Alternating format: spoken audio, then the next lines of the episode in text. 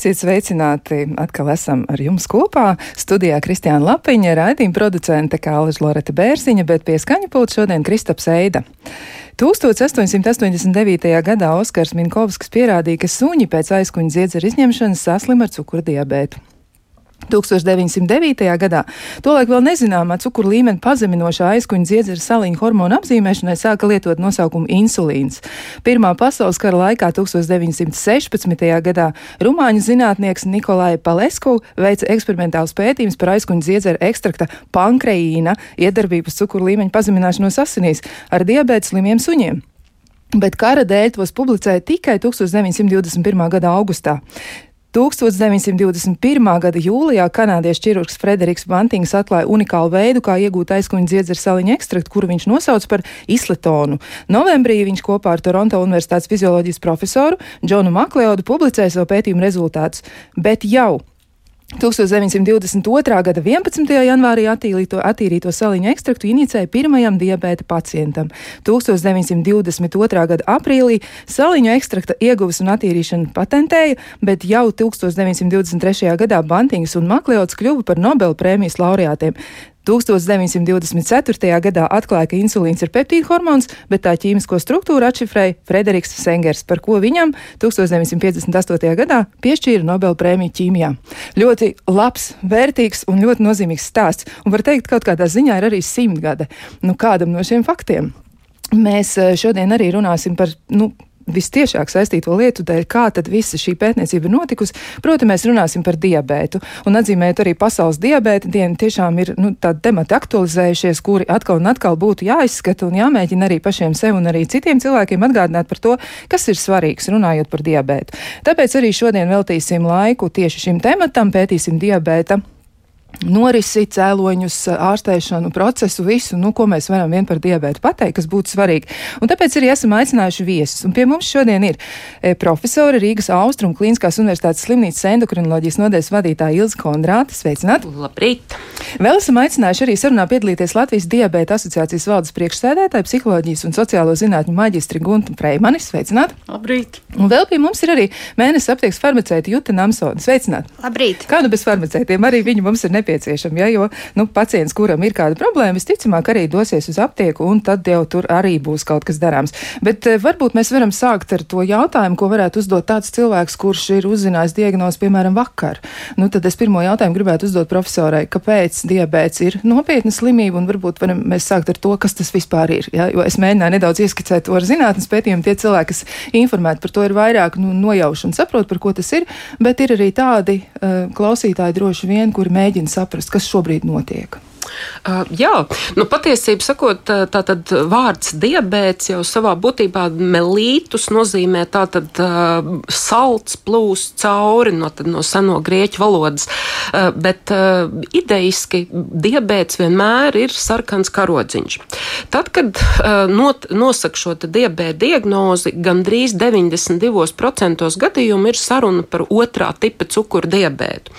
Un tas nozīmē jau jūsu pieminēto minētā insulīna nevis deficītu, bet gan nejūtību audos, kuru ārste un mediķi sauc par insulīna rezistenci. Uh, un es droši vien domāju, ka mēs šodien daudz vairāk un dziļāk varētu mazliet par to parunāt, uh, bet tā tad uh, nav tā, ka tas ir tikai viens, tagad ir tikai otrā tipa diabēts. Diemžēl diabētu ir diezgan daudz, un ļoti svarīgs ir arī, protams, šis pirmā tipa cukura diabēts, kas raksturojas tiešām ar autoimūnu procesu, tad jūsu imunitāte vēršas pret paša organisma šūnām, radot antivielas un iznīcinot šīs šūnas. Proti, tātad tas ir pirmā tipa diabetes, kas ir absolūts insulīna deficīts. Bet vakar arī ārstiem bija diabēta diena. Mēs vakar runājām par to, ka, piemēram, arī tāda slimība kā aizkuņa dziedzera vēzis var manifestēties ar cukuru diabētu, un tas tā saucamais pankratogēnais diabēts, jo skaidrs, ka insulīns izstrādājas aizkuņa dziedzerī. Bet jā, diabēta pavisam ir 50 četri tipi. Uh, bet, protams, tad, kad mēs runājam sabiedrībai, tad visvairāk mēs, protams, runājam par šo pirmā un otrā tipa cukuru diabētu. Uh, bet, uh, ja jūs man jautātu, kā, kā es redzu šo diabēta dienu, un lai arī oficiālie lozungi ir piekļuvi speciālistiem un tā tālāk, mans aicinājums, un es aps, apsolos arī radio ēterā, ka arī es pati to beidzot izdarīšu, aiziet visiem, kuriem nav diagnozes uz laboratoriju, tukšā dušā un nodot analīzes. Jo Jo patiesībā sakot, pēc rekomendācijām ir tā, ka tas būtu jādara no 45 gadiem. Šobrīd jau tas jau ir 40 gadi, eh, kas liecina par to, ka tas, kā mēs dzīvojam, mūsu stress, mūsu neizgulēšanās, maz, tomēr relatīva mazkustība un uztur īpatnības ir mainījušas mūsu šo vielmaiņas procesu, un diabetes kļūst ar vien jaunāks. Un tāpēc eh, šo diabēta dienu varbūt mēs varētu pārvērst par pretdiabēta dienu, un katrs klausītājs, kas nav sen bijis un nodrošinājis, nodevis analīzes, tad, tad lūdzu, lūdzu, tukšā dušā vajadzētu aiziet uz laboratoriju, noteikt šo cukuru līmeni asinīs. Jo Tad, kad mums ir cukurdibēts, tad, tad jums pēc tam, protams, mēs precizējam, kāda tipa tas ir un kas ar to ir jādara. Bet tad diabēts, tad, tas jau ir tā kā aizberga šī virsma, ja mēs runājam par otrā tipa diabētu. Patiesais stāsts jau ir šī insulīna rezistence. Tas nozīmē to, ka insulīns nespēja audos veikt savu darbu. Un tas ir tādēļ, ka mainās šīs te, nu, tauku vielu maiņa, tātad mainās holesterīns, jo viss saka, sirds asinsvadu asinsvadu slimības. Nu, protams, kas ir asinsvadu slimības, jo tad, kad mums ir šī insulīna rezistence, šis sliktais holesterīns, zebela holesterīns, viņš kļūst mazs un blīvs un daudz labāk ieiet šajā asinsvadu sieniņā. Un es gribētu teikt, ka nav labi, ja diabētu atrod, un diemžēl vairāk kā 30-40% dažādu šo kardiovaskulāro katastrofu gadījumā cilvēkam atrod pirmreizēju diabētu. Un, jā, tas ir slikti. Ja mēs to varam izdarīt izdarīt ātrāk, tad šobrīd esošās modernās terapijas var aizkavēt šīs katastrofas. Un tas nodrošina to, ka jūs varat no rīta staigāt ar suni, ka jūs varat samīļot savus mazbērnus, ka jūs varat aizbraukt lieliskā ārzemju ceļojumā un var pilnā nozīmē baudīt dzīvi. Tā tad pretdiabēta diena. Mēs mainām kursu ja, un mēs mēģinām likt akcentu e, nu, tieši uz to, ka cilvēkiem vajadzētu vairāk pievērsties savai veselībai jau laicīgi. Bet e, tajā brīdī, kad profesors stāstīja par to, ka vajadzētu aiziet un nodot analīzes, tad Gunta Freiman nu, tā smaidīja. Tad e, varbūt jums ir kas piebilstams, nu, gan kā uzmundrinājums, gan arī varbūt jūs varat atsaukties uz varbūt pat savu pieredzi, ja kā tas ir. Nu, cik tad ir viegli vai grūti mm, pašam parūpēties par sevi cilvēkam? Nu, drīzāk man jāsaka, ka uh, man bija prieks, ka profesori uh, pielīdzināja sevi visiem mums pārējiem mirstīgajiem, jo viņi teica, ka viņi arī nevar saņemties. Mēs turēsim viņu pie vārda. Jā, tā ne, nesaņemšanās. Uh, jeb kā varbūt psihologi gudri saka, prokrastinācija. Jā. Jā, kad mums ir grūti, grūti saņemties. Un tad uh, citreiz starp starp tiem labajiem nodomiem un to brīdi, kad mēs tiešām ejam eh, pārbaudīt to cukuru līmeni, tad paiet vairāk gadi. Un, uh, bieži vien arī doktoris saka, ka uh, jau, jau, jau ārsts jau saka, ka jums vajadzētu sākt ārstēties un lietot varbūt kādas tabletes cukuru līmeņa pazemināšanai. Bet nu, cilvēks saka, nē, nē, es labāk vēl pamēģināšu ar uzturu, es visu mainīšu, es nodarbošos ar fiziskām aktivitātēm, jā, un tā. Un, un tad šeit pavīd tāda lieta kā vainas sajūta, ja, ka cilvēks domā, ka viņš ir nu, tā kā varbūt pret savu veselību bijis netik, netik vērīgs. vērīgs, jā, un kad viņš tagad mainīs pēkšņi visu un izdarīs, un, un lai, lai nebūtu šī slimība, ja, bet nu, tā pieeja. Nu, tā tiešām nebūtu. Pirm, pirmkārt, tā nebūtu jā, jāmocās tajā vainas apziņā, bet tiešām jādodas uz to laboratoriju. Un, un, Un jādara, jāveic tas pirmais solis, kas varbūt nu, tālāk nemaz ne, nešķitīs tik briesmīgs. Jā, un varbūt ar doktoru palīdzību arī teiksim, lieko svaru izdosies samazināt veiksmīgāk, jo tagad arī ir daudzas tādas pieejas, kas, kas cilvēkam liek nevis smirda badā, lai viņš uzlabotu savu veselību, bet nu, tā kā ar, ar mazākiem zaudējumiem ja, un, un mazāku piepūli ārsts var palīdzēt tikt, tikt galā ar šo problēmu. Jā, nu noteikti tā tad eh, jāuzmudrina klausītāji, bet eh, vēl arī varbūt ir eh, nu, tādas lietas, uz kurām arī var vērst uzmanību, un te arī būtu vietā apjautāties Guntai Fremenai, kā jau Latvijas diabēta asociācijas šefam, ja, savā ziņā. Tā mēs varam arī jūs apzīmēt. Nu, kas ir tie plānotie pasākumi, ja, jo diabēta asociācija tomēr ir plānojusi aktivizēt cilvēkus un izmantot to noteikti nu, tādā veidā, to aktivizēšanas procesu, ja kā tas ir ierasts, un kur cilvēki tiek aicināti tur un tur un notiek tas un tas. Tad kas tieši notiks un kur tas būs? Jā, nu, diabēta asociācija šogad 34. gadu jau rīko pasaules diabēta dienas pasākums. Un, Šie pasākumi vienmēr tradicionāli notiek arī ar iespēju katram cilvēkam pārbaudīt glukozes līmeni asinīs. Nu, arī šoreiz tas tā būs.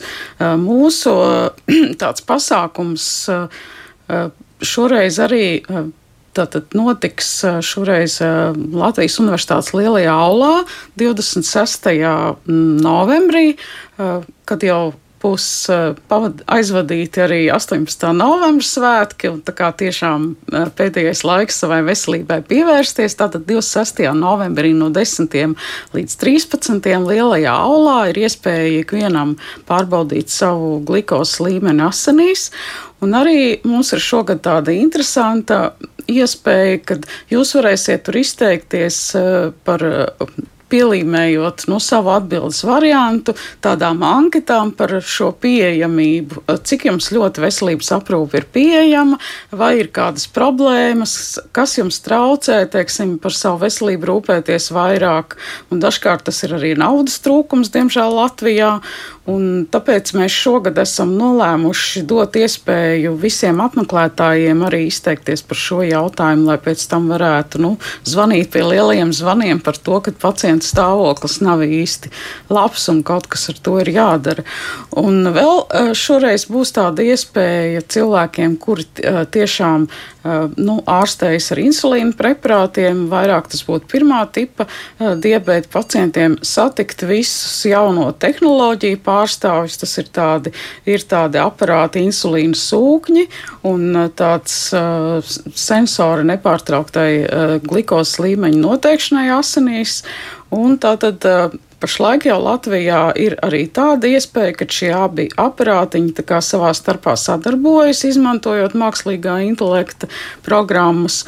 Un šeit tātad pavērs pilnīgi jaunas, absolūti jaunas iespējas, kas nu Latvijā ir tikai mēnesi pieejams vēl.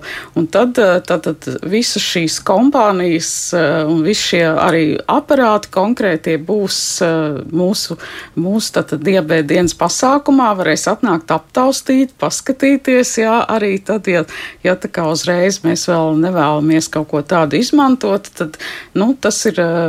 Tās ir mūsdienu pieejas diabēta ārstēšanā, kas varbūt tādā kopumā un, un tādos masu pasākumos parasti tas netiek īsti Latvijā izstādīts, jo tur šis lietotāju lokus nav tik plašs, lai, nu, lai īsti tā viņu nu, šie pārstāvji būtu ieinteresēti. Bet nu, šoreiz viņi būs visi. Viņi būs visi, jau varēs jā. iet un, un izpētīt, kas un kā. Un tiešām tās jaunās tehnoloģijas noteikti ļoti atvieglo cilvēku dzīvi. Varbūt vēlreiz atgādiniet, kur tas notiks. Un kurš ir datums, kurš ir jāatceras, jāieraksta savā kalendārā? Jā, tātad uh, 26. novembris no 10. līdz 13. Latvijas Universitātes lielā aula Raņa bulvārī, ko visi noteikti zina.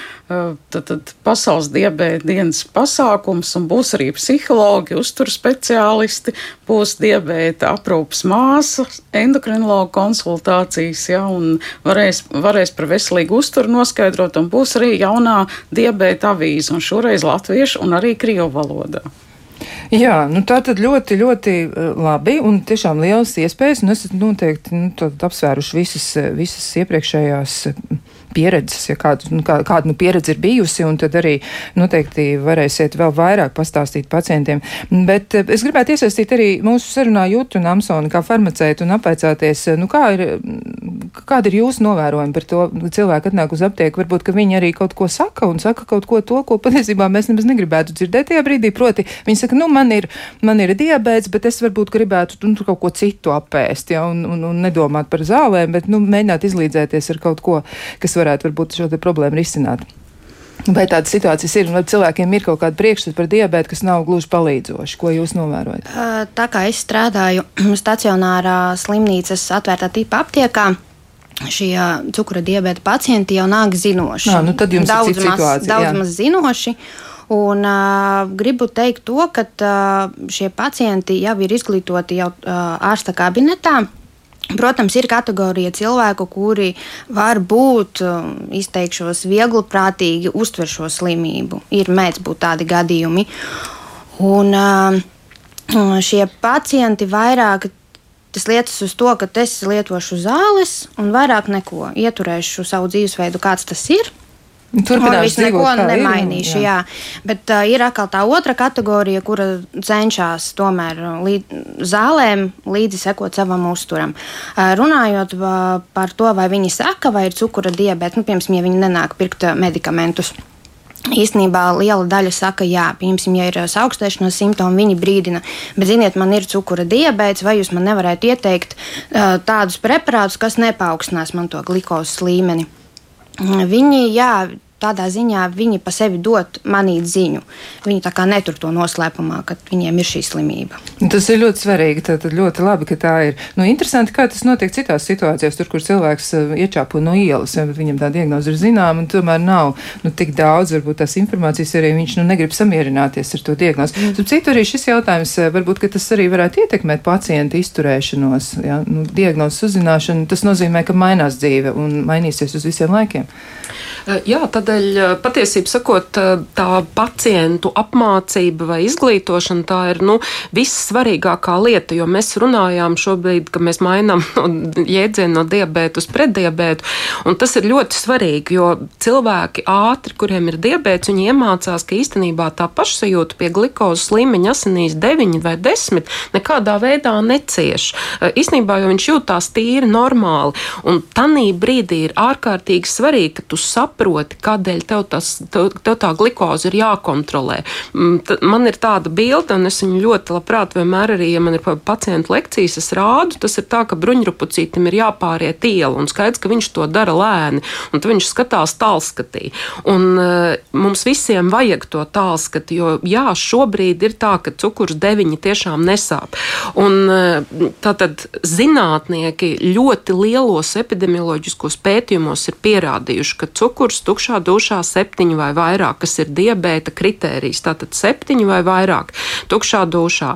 Tātad ir saistīts ar to, ka mainās asinsvadu uh, struktūra. Tātad attīstās šīs vēlīnās komplikācijas. Tas nenotiek dienas vai mēnešu laikā. Tad nepieciešami daži gadi vismaz, no atkarībā no glukozes līmeņa. Bet uh, tātad arī šo simptomu nav. Tātad, kamēr glukoze nepārsniedz 12, parasti cilvēkam nav šo slāpju vai biežas urinācijas vai, teiksim, kaut kādas ļoti, ļoti tāda, nu, kā saka, daudzēšana vai milzīga apetīte.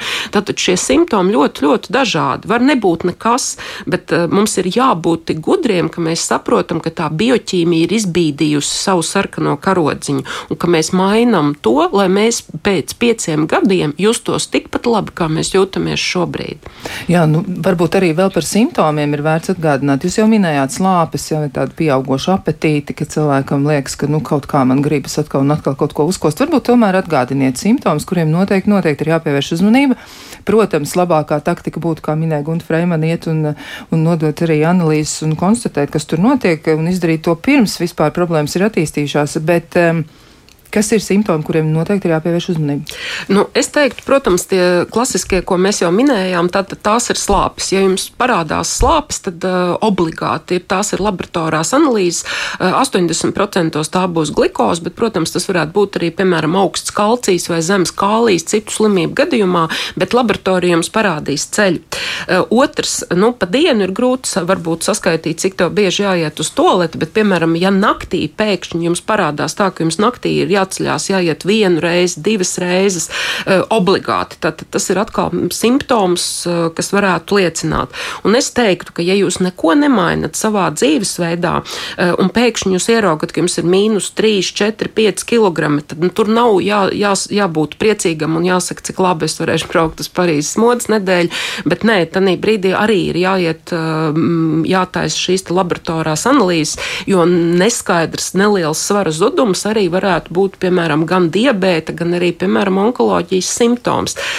Mēs runājām par to, ka par šiem simptomiem. Bet um, tā tad ir arī tā, ka cilvēki kādreiz viņš atnāk mājās, viņš, viņam pat ne, īpaši negrib sēst. Viņš domā, ai, nu tomēr vakariņas un prieks sēdot, jo ēšana mums ir laime. Uh, mēs sākam ēst, un pēc tam, tad, kad cilvēks pēd, viņš izjūt tādu vājumu. Un tas, piemēram, ir ļoti raksturīgs uh, tieši insulīna rezistencei, kas arī ir agrīns insulīna rezistences simptoms. Un tad kādreiz ir, piemēram, cilvēks ir apaļstūrītis un uh, viņu, piemēram, iztriec dārza darbos vai eh, nu, garākā pastaigā, un pēkšņi tu jūti, ka tu tā kā nosvīst, tev parādās vājums. Arī tas ir raksturīgs šai insulīna rezistencei, kāpēc? Tādēļ, ka fiziskā slodze ielaida glikozi šūnās, bet insulīns paliek augstāks un rada tādu vieglu funkcionālu hipoglikēmiju.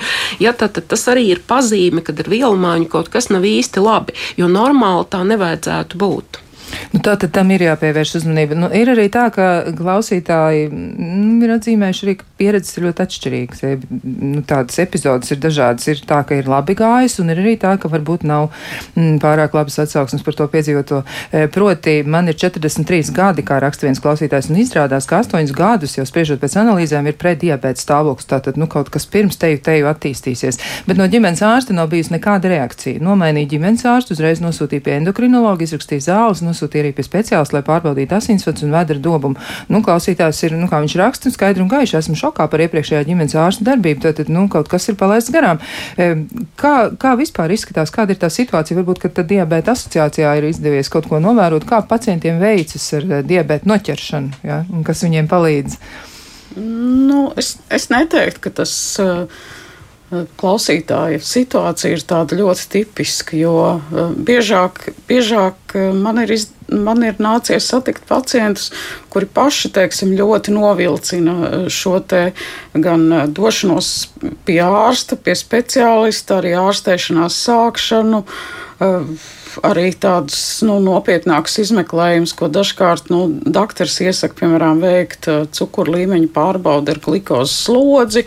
Un uh, tad uh, cilvēki to arī ļoti, ļoti novilcina. Un, kā jau teicu, tad uh, diezgan iz, izplatīta ir tā situācija, kad uh, cilvēks arī nāk uz asociāciju, piemēram, noteikt uh, cukuru līmeni gandrīz katru mēnesi. Un, tad, kad es tā kā pajautāju, nu, ar kādu mērķi viņš to dara, ja, tad, nu, jā, man te tā kā ir nedaudz paaugstināts, bet es tomēr tur cenšos mainīt savu dzīvesveidu. Un, var sakot, cilvēks nesāk īsti aktīvi ārstēties tad, kad viņam to iesaka. Un tas, manuprāt, ir daudz biežāk sastopams nekā, kad ārsts kaut ko palaiž garām. Jā, nu, var jau gadīties arī tādas situācijas, protams, nu, drīzāk droši vien tie ir izņēmumi, ja nevis likumsakarība, bet, nu, visādi mēdz dzīvē būt, bet profesors šūpo galvu, tātad jūs gribat kaut ko piebilst? Nu, es gan, jāsaka, godīgi domāju, ka tāda situācija, kā, kā klausītājs raksta, ir diezgan tipiska,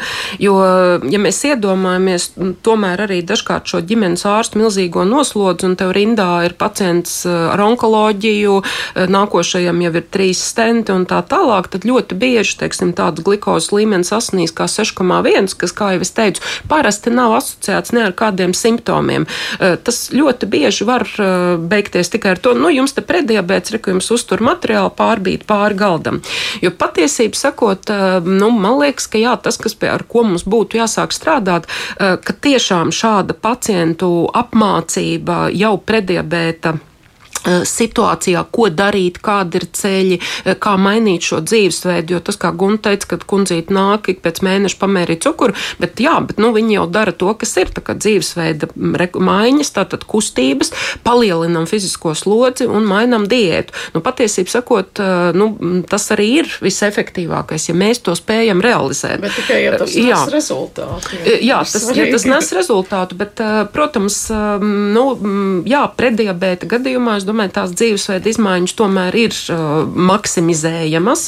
Uh, un, protams, tā ir milzīga gan psihologu, gan uh, uzturzinātnieku, gan uh, rehabilitologu kopdarbs par to, kādā veidā, uh, nu, kā mēs hipertensijas atrasklerozes biedrībā sakam, uh, iekustināt apaļstūrīti, jo tas ir ļoti, ļoti svarīgi. Nu, visiem mums ir uh, inerts, un arī mēs visi strādājam. Nu, arī es pati, es tiešām esmu pilnīgi absolūti mērķa, mērķa auditorija, jo tā darba ir tik daudz, ka tev nav ikdienas uh, iespējas iet uh, tos piecus kilometrus pastaigā vai iet uz sporta zālēm. Un, uh, tas tā ir. Šobrīd uh, cilvēki ļoti, ļoti intensīvi strādā, un diabēta analīzes ir analīzes, kas ir tukšā dušā. Ja jūs iedomājaties no rīta laboratorija 8.15, kur jums ir jānodod analīzes, nu, tad ir tā, ka dažreiz, ai, vai man to tiešām vajag.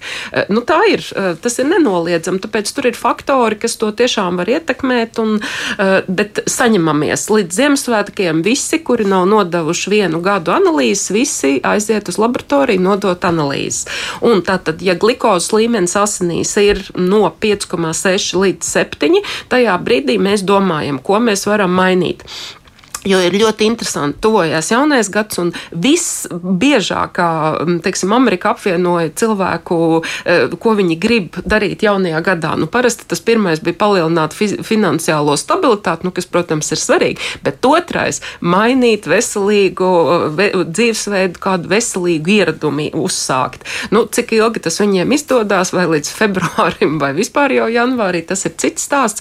Bet, eh, jā, eh, uztaisam analīzes, un tas būs karodziņš viņš, uh, kas jums rādīs, vai ir kaut kas jādara, vai mēs varam arī varbūt pagaidām vēl neko nemainīt. Jā, nu tā tad tāda laba dāvana sev, ja pirms vēl jaunais gads ir sācies, var iepriekš, uh, nu, vismaz rūpes par veselību, nu, tas tiešām ir kaut tāds, ko mēs varam izdarīt, pie tam tik jā, jādara tik maz. Ja? Nu, tas nav nekas tāds ļoti, ļoti daudz paveicams.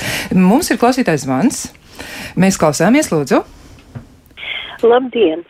Man cukurs pacēlās pēc endomet, eh, endometrijas eh, operācijas. Es gulēju vēl eh, Austrum slimnīcas tajā onkoloģijas nodaļā. Trīs mēneši pēc operācijas man pacēlās cukurs. Bet man pēc operācijas uzlika uz hormoniem. Un es no tiem hormoniem sāku briest tā kā maizīte. Uh, dažu mēnešu laikā es pieņēmos gandrīz pa 40 kg svaru. Man bija visu mūžu normāls svars. Un, un eh, man vēl slimnīcā guļot sāka drubt zobi. Man nekad nebija sāpējuši zobi, man bija pilna mute ar zobiem. Un blombēt bija kādi četri tikai. Un, un, un jūsu nu, jautājums šajā, šajā situācijā, kāds nu, ir jūsu jautājums? Un, un ko jūs gribējāt pajautāt? Operācijas, bija nesaturēšana. Uh, un, un es prasīju, kāpēc tā. Nu, tas jums normalizēsies pēc operācijas. Tas bija 2000. gadā, un tagad 22 gadi man normalizējās. Es katru nakti pa trīs reizes skrienu uz toleti. Pal paldies un, par jūsu stāstu, bet mums ir vajadzīgs kāds konkrēts jautājums, bet mēs noteikti mēģināsim arī uz daļu no jūsu stāstīt atbildēt, ja, un, un eh, nu, kaut kādā tādā, mm, varbūt, nu, nezinu, tādā pārskatu veidā, varbūt var atbildēt par to situāciju. Ir, tur ir nianses, tur ir, tur ir ārsti iesaisti, ja tur ir ļoti, ļoti daudz dažādas lietas notikušas, jā, ar pacientu, un tiešām ir tā, ka cilvēka dzīve ir būtiski mainījusies. Bet, nu, varbūt no tā diabēta puses raugoties, jā. ko tur varētu pateikt? Tā tad nav jau tā, ka insulīns ir viens, tā tad tā vilmaiņa ir ļoti kompleksa. Tā tad, lai cilvēkam, veselam cilvēkam šobrīd, lai cukuru līmenis asinīs būtu referentajā intervālā darbojas ne tikai insulīns, bet viņam ir arī pretējie hormoni. Eh, kortizols, kas ir stresa hormons, glikagons, kas ir arī aizkuņa dziedzera hormons. Un tad, kad mums ir kāda stresa situācija, un jāsaka, godīga operācija tāda ir, eh, tad, protams, eh, tas arī var paaugstināt cukuru līmeni asinīs. Bet šeit stāsts ir drusku cits. Tātad endometrija vēzis ir neapšaubām estrogēnu atkarīgs. Tātad ir šis estrogēnu fons, ir radījis to, un parasti tā tad viena no ārstēšanas metodēm ir šī te gestagēna terapija vai antestrogēna vai kaut kas no šīs visas uh, lietas. Un skaidrs, ka šie hormoni maina pamatvielu maiņu. Tātad katram no mums tāda ir. Uh, ne visiem, jo citādi mēs tādas zāles nelietotu, bet tiešām daļai ir iespējams, ka tas aiztur šķidrumu, ka tas maina vielu maiņu. Nu, uh, jā, tā tad ir jautājums, ko jūs gribat. Tātad jums ir saruna ar savu onkologu, tātad kā viņš redz, tātad kādi ir jūsu riski lietojot un kādi ir jūsu riski nelietojot. Uh, jo mm, vecais senais ārsts Galēns, nu, kas mums kā balstās medicīna, ir teicis, ka visas zāles ir rinda, tikai tām ir dažas labas blakus parādības. Uh, nu, protams, tas nav tik slikti, bet uh, jā, zālēm ir blakus parādības. Mēs lietojam glikokortikoīdus ļoti bieži, remetiskās slimības, plaušu slimības lietojam. Cukuru līmenis asnīs pieaug, bet mēs zinām, ka tie glikokortikoīdi nodrošinās dzīves kvalitāti un diabētu mēs ārstēsim. Un arī jūsu gadījumā tātad skaidrs, ka tā vielmaiņa ir izmainījusies, pamatmaiņa ir izmainījusies, bet jūs joprojām ar uh, uzturu, ar kustībām, ar modernām zālēm varat mēģināt, uh, teiksim, to visu kompensēt. Jā, nu tā tad uh, ir lietas darāmas, un, un noteikti kaut ko var mēģināt ietekmēt un arī cilvēkam palīdzēt justies labāk. Bet mums ir vēl ļoti daudz jautājumu, bet nu, tos mēs uzdosim pēc uh, īsa atāpas brīža. Kā labāk dzīvot? Turpinām sarunu par diabētu un par to, kā mums noķert eh, diabētu, lai tas nedarītu mums pāri, kā rūpēties par sevi, un arī dažādi citi jautājumi ir aktualizējušies, uz kuriem mēs noteikti varam arī mēģināt atrast atbildes. Nu, lūk, un atgādināšu arī par viešņām, un viešņas ir Latvijas diabēta asociācijas valdes priekšstādātāja psiholoģijas un sociālo zinātņu maģistra Gunta Freimane, mēnesis aptieks farmaceita Juta Namson, un arī, protams, pie mums ir profesora Rīgas Austrum Kliniskās universitātes slimnīcas endokrinoloģijas nodaļas vadītāja Ilze Konrāde. Nu, lūk, jautājumi ir arī par to, kā tad ir ar tām zālēm. Jo tas pats klausītājs, kurš teica, ka nu, viņam nav īpaši laba pieredze, un arī profesori teica, ka nu, tā kādreiz mēdz gadīties, un tāpēc ir ļoti, ļoti jārūpējas par savu veselību. Nu, viņš raksta arī par zālēm. Un eh, tas, ko viņš saka, tātad eh, par pretdiabēta zālēm, kuras nav pieejamas vajadzīgajā apjomā, un kā tas būtu jāsaprot, tas ir jāsaprot viņa situācijā tā, ka viņš no darba, mm, nu, tā kā darba dēļ ir projām no valsts eh, aptuveni sešus mēnešus, bet zāles, nu, kuras ir uz recepts, uz tādu periodu nevar dabūt. Tad, lūk, varbūt farmaceiti varētu paskaidrot cīkāk, kā šo situāciju varētu risināt, ja un kā varētu atvieglot to visu procedūru. Nu, šajā gadījumā, kas uzdod šo jautājumu, tad vēlētos pateikt to, ka varbūt ir ir iespēja sarunāt ar ārstējošu ārstu, vai tas būtu endokrinologs vai ģimenes ārsts, lai šos medikamentus uh, izraksta uz priekšu. Uh, to var izdarīt uh, nu, tikai, protams, ar ārstējušu ārsta atļauju, var droši izrakstīt ilgtermiņā, jā, tā kā uz priekšu. Nu, likumdošanai noteikts, ka drīkst izsniegt uz trīs mēnešiem, bet, nu, piemēram, cilvēks, ja dodas ilgstoši strādāt, teiksim, uz ārzemēm, piemēram, pusgadu, Saprotams, ka viņš šīs zāles nu, nevar tur uz vietas dabūt. Un, uh, droši viņš var sarunāt ar ārstu, lai izraksta teiksim, šos, šo sešu mēnešu kursam. Ja, kad uh, droši varēs aptiekā izņemt šo, šīs zāles noteiktam nu, laikam, kamēr tiek jā. lietotas. Jā. Un, un ja ārsts raizēs par to, vai pacients nu, ir tāds ļoti apzinīgs, un ārsta atbildība jau arī tā, protams, ir zināmā mērā, nu, tā kā viņš tomēr nu, jūt līdzi visam šim procesam un arī ir, ir eh, noskaņots tam sekot, tad uh, varbūt, ka var arī runāt par tādām attālinātām vizītēm. Tās ir iespējams arī tas, protams, situācijas risinājums. Protams, jā, ir tīpaši Covid pandēmijas laikā tas bija ļoti aktualizējies. Arī mēs ar to saskārāmies aptiekā, un jā, tas mūsu 21. gadsimta tāds tehnoloģijas, tehnoloģijas jā, tāds notikums, kad uh, pacients var sazināties ar ārstu un ārsts var droši izrakstīt medikamentus attālināti. Jā, nu, bet ja mēs tagad jautājam, kā tur ir ar uzturu nēšanu vispār, un tas ir kas tāds, nu tiešām tā kā profesori teica, nu ēst ir bauda, ja nu tāds garšīgs lietas, nu skaidrs, aizējām mājās vakarā pēc garas darba dienas un gribas tā sev palutināt, un tad nu tur uz tā šķīvi nonāk viss kaut kas un lielos, lielos daudzumos reizēm. Um, ir arī jautājums no klausītājiem, kāpēc netiek apkopots, bet nu, mēs nezinām, vai netiek apkopots vai nav šie pētījumi, bet tomēr nu, labs jautājums. Ja? Tātad, kāpēc netiek apkopots un netiek pētīta korelācija endokrīnijai veselībai ar surgātu pārtiku un tā saucamo nu, to ātro ēdināšanu, ja fast food, kā mēs to mēdzam apzīmēt reizēm, ar ko ir pilni veikali un acīm redzot pie diabēta, celiakijas, laktozes, mm, nepanesības problēmām, alerģijām ja, un citām kaitējumiem, nu, tas varētu būt arī, ka tur ir varbūt pie vainas arī ir tie pusfabrikāti, ja tā saucamie subprodukti. Un, um, Svaiga maize, ja ko cep no sasaldētas mīklas, piena, piens, eļļas, ja kas ir ķīmiski kaut kā pārstrādātas, jau netradicionāls augļu dārzeņu šķirnes un daudzi citi, tā saucamie triki. Ja? Vai tas varētu arī ietekmēt eh, cilvēkus un vispār kā tad ir ar to ēšanu, ēdienu kvalitāti? Ja? Nu, kas kādi varētu būt komentāri par šo, par uzturu un diabētu? Varbūt tā mēs varam to jautājumu noformēt. Eh, nu, jā, eh, jāsaka godīgi, ka ši, šis jautājums ir tāds, ka mēs te varētu šodien Latvijas radio visu citu programmas slēgt, un mēs varētu par šo ļoti ilgi un gari diskutēt. Jo, protams, tur ir milzīgi daudz uh, informācijas. Nu, pirmais, protams, uh, jautājums par šo te, nu, šim, šo te ātro uzkodu tipu ēšanu ir miljoniem pētījumu. Protams, pilnīgi visi tie pētījumi jums skaidri un gaiši pasaka, ka jo vairāk mēs to ēdam, jo vairāk mēs stimulējam insulīnu, un jo mēs attīstam insulīna rezistenci un tā tālāk. Tur nav nekādu, mm, teiksim, šo te mm, pretrunu, tur pilnīgi viss viss viennozīmīgi. Uh, tad ir tā, ka, uh, protams, šobrīd diezgan daudz lieto arī šos mākslīgos saldinātājus. Uh, arī tie ir pētīti.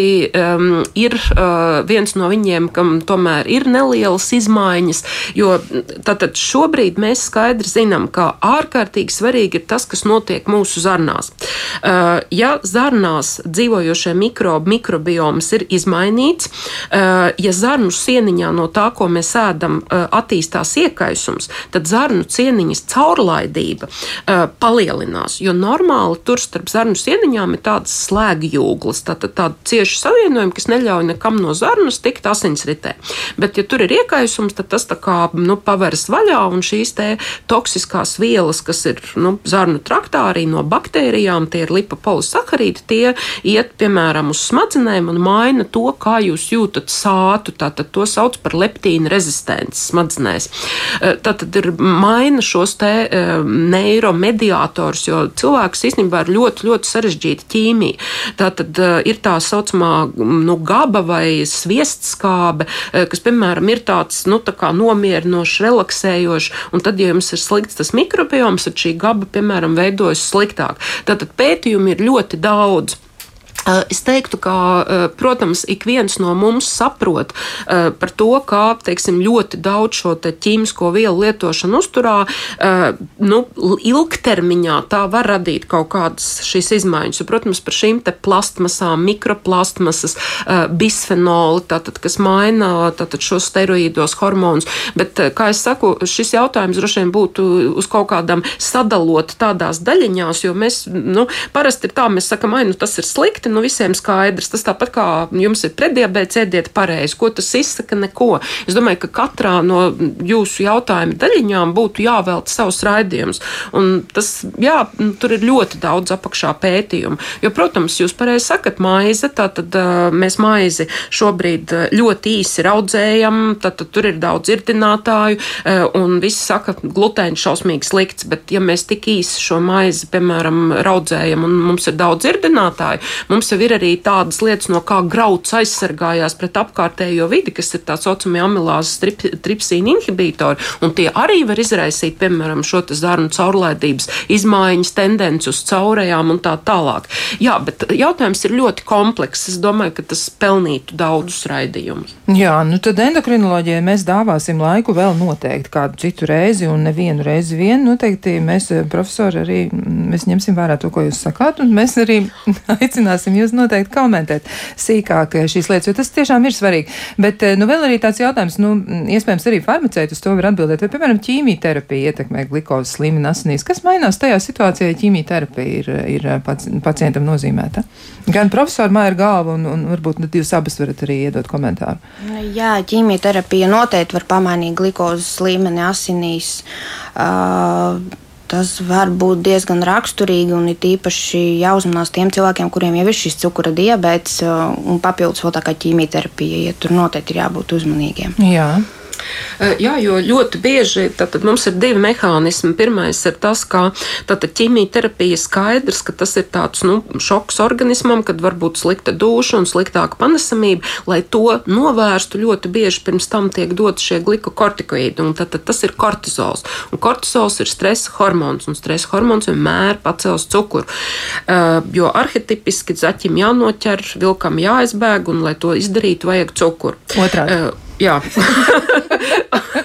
nu, labi, man ir varonīgs zaķis un šausmīgs, šausmīgi vārds vilks, bet tas nekas. Uh, bet uh, idejiski ir otrs, uh, ka, protams, tātad jebkura ķīmija terapija veicina vēža sabrukšanu, kas tomēr ir uh, iekaisums. Uh, nu, tas ir process, kas arī tātad ir organismam stress, uh, jo tas ir kaut kas savādāks. Uh, bet ir citreiz atkal tā, ka, piemēram, pacienti negrib ēst šajās dienās, un tad tā kā ļoti vien viennozīmīgi nav, bet jā, parasti no saviem pacientiem, un es arī mācu, ja mums mēs esam līdz insulīnam tikuši un tā, kā ķīmijterapijas dienās ir jāpalielina garas darbības insulīns, eh, un pirms pusdienām ir jāveic korekcijas. Jā. Jā, skaidrs. Tātad tas ir noteikti jāatceras. Nu, vēl arī tādi jautājumi, atgriežoties nedaudz pie ēšanas lietām. Jā, nu, nesen arī ir bijusi saruna par olīveļu, un, nu, kāds ir teicis no uzaicinātiem ekspertiem, ka regulāri šīs ēnas lietošana samazina diabēta risku. Vai būs kāds komentārs par šo olīveļa? Laba ir!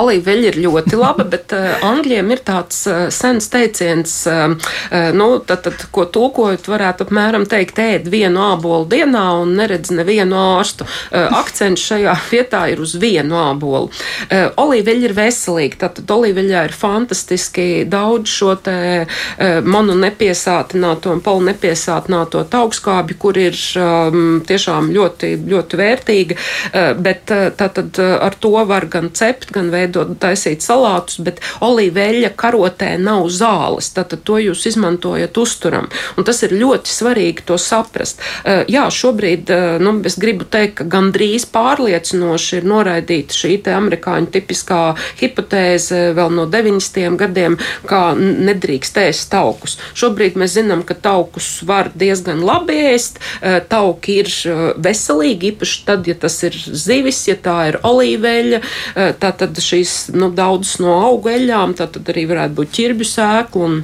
Tātad tas viss ir ļoti labi. Bet ar to ne, ne ar ko šai dzīvē nevajag pārspīlēt. Atceramies Japāņu siņu un jaņu, eh, atceramies par devām. Tātad mēs izmantojam tam, kā mēs ēdam, bet mēs nelietojam to karotēm kā zāles.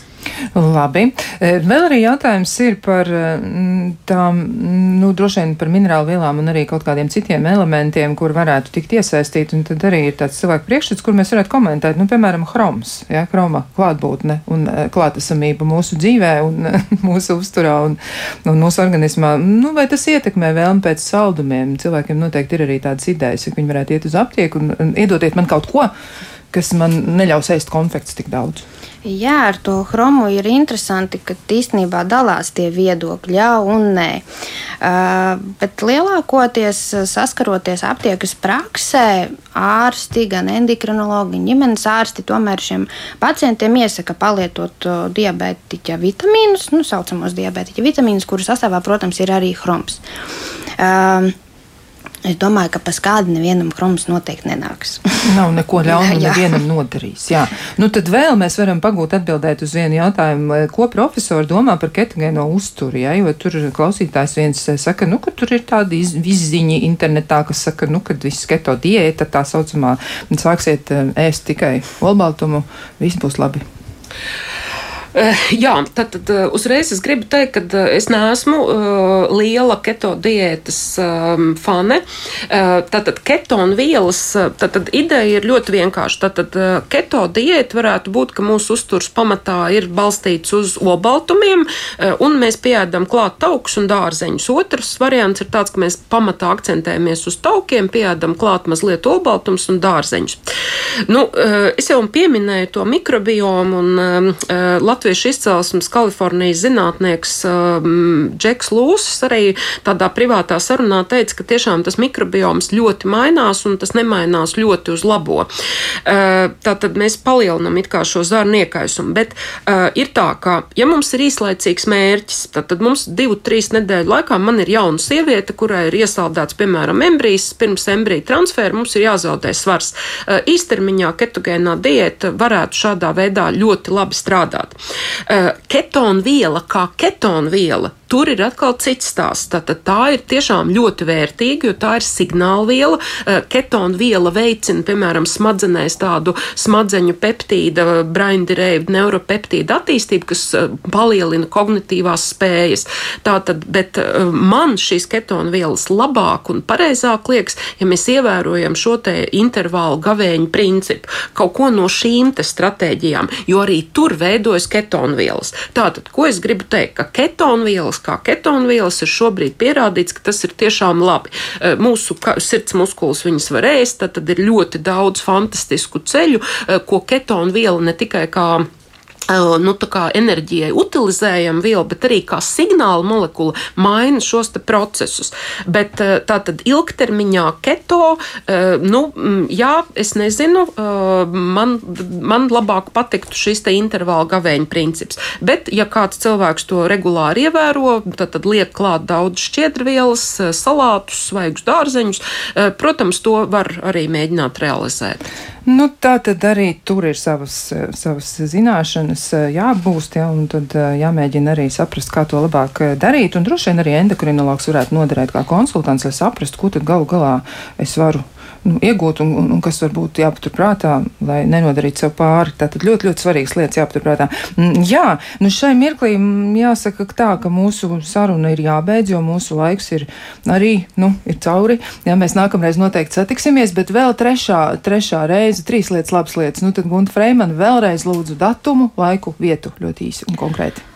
Nu, tātad 26. novembris no 10. līdz 13. Latvijas Universitātes lielajā aulā ir uh, iespēja visiem noteikt savu glukozes līmeni asinīs, un starp citu satikt arī pētniekus, kuri pēta uh, mikrobiomu tieši uh, Latvijas Universitātes medicīnas fakultātes pētniekus.